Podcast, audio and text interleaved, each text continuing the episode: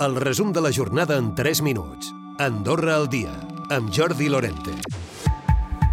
Calorada, calorada i calorada aquest dimarts, sens dubte amb temperatures gairebé amb 38 graus a l'estació del Roc de Sant Pere d'Andorra la Vella, o els 37,1 a la Borda Vidal a Sant Julià o els 36,8 a la Margineda.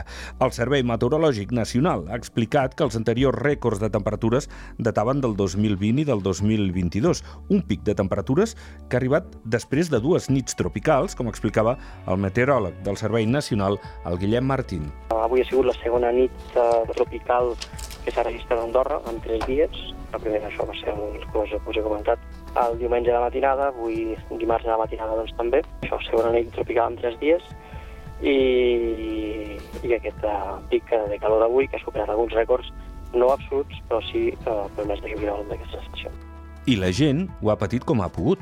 Eh, beber mucha agua es lo importante para hidratarse por dentro y luego por fuera con el abanico o con el ventilador. Si no, pues en casita con las, baja, las persianas bajas y, y al fresquito. Pues amb aigua, a la ombra i sortir, pues, salvo obligació, no sortir a aquestes hores del dia.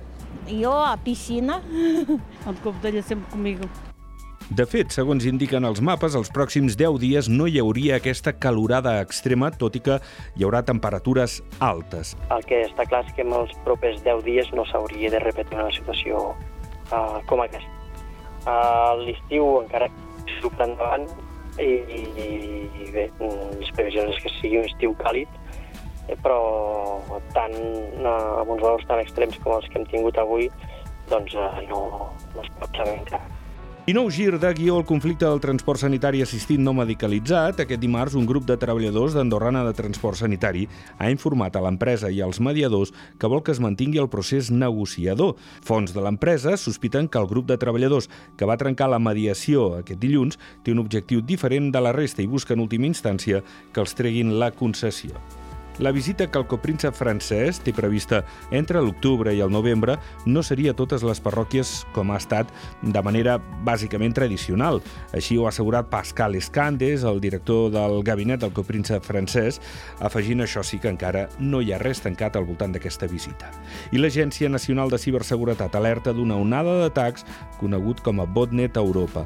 Són ofensives que infecten dispositius que tenim a casa i que després provoquen atacs, com el que va viure Andorra Telecom i puja lleugerament l'ocupació mitjana als establiments hotelers. Ho fa fins al 60%. Com sempre, les nits del divendres i del dissabte aquesta ocupació s'ha enfilat més. Concretament s'han anat fins al 80%. Són dades que ha facilitat la Unió Hotelera. Recupera el resum de la jornada cada dia a AndorraDifusió.d i a les plataformes de podcast.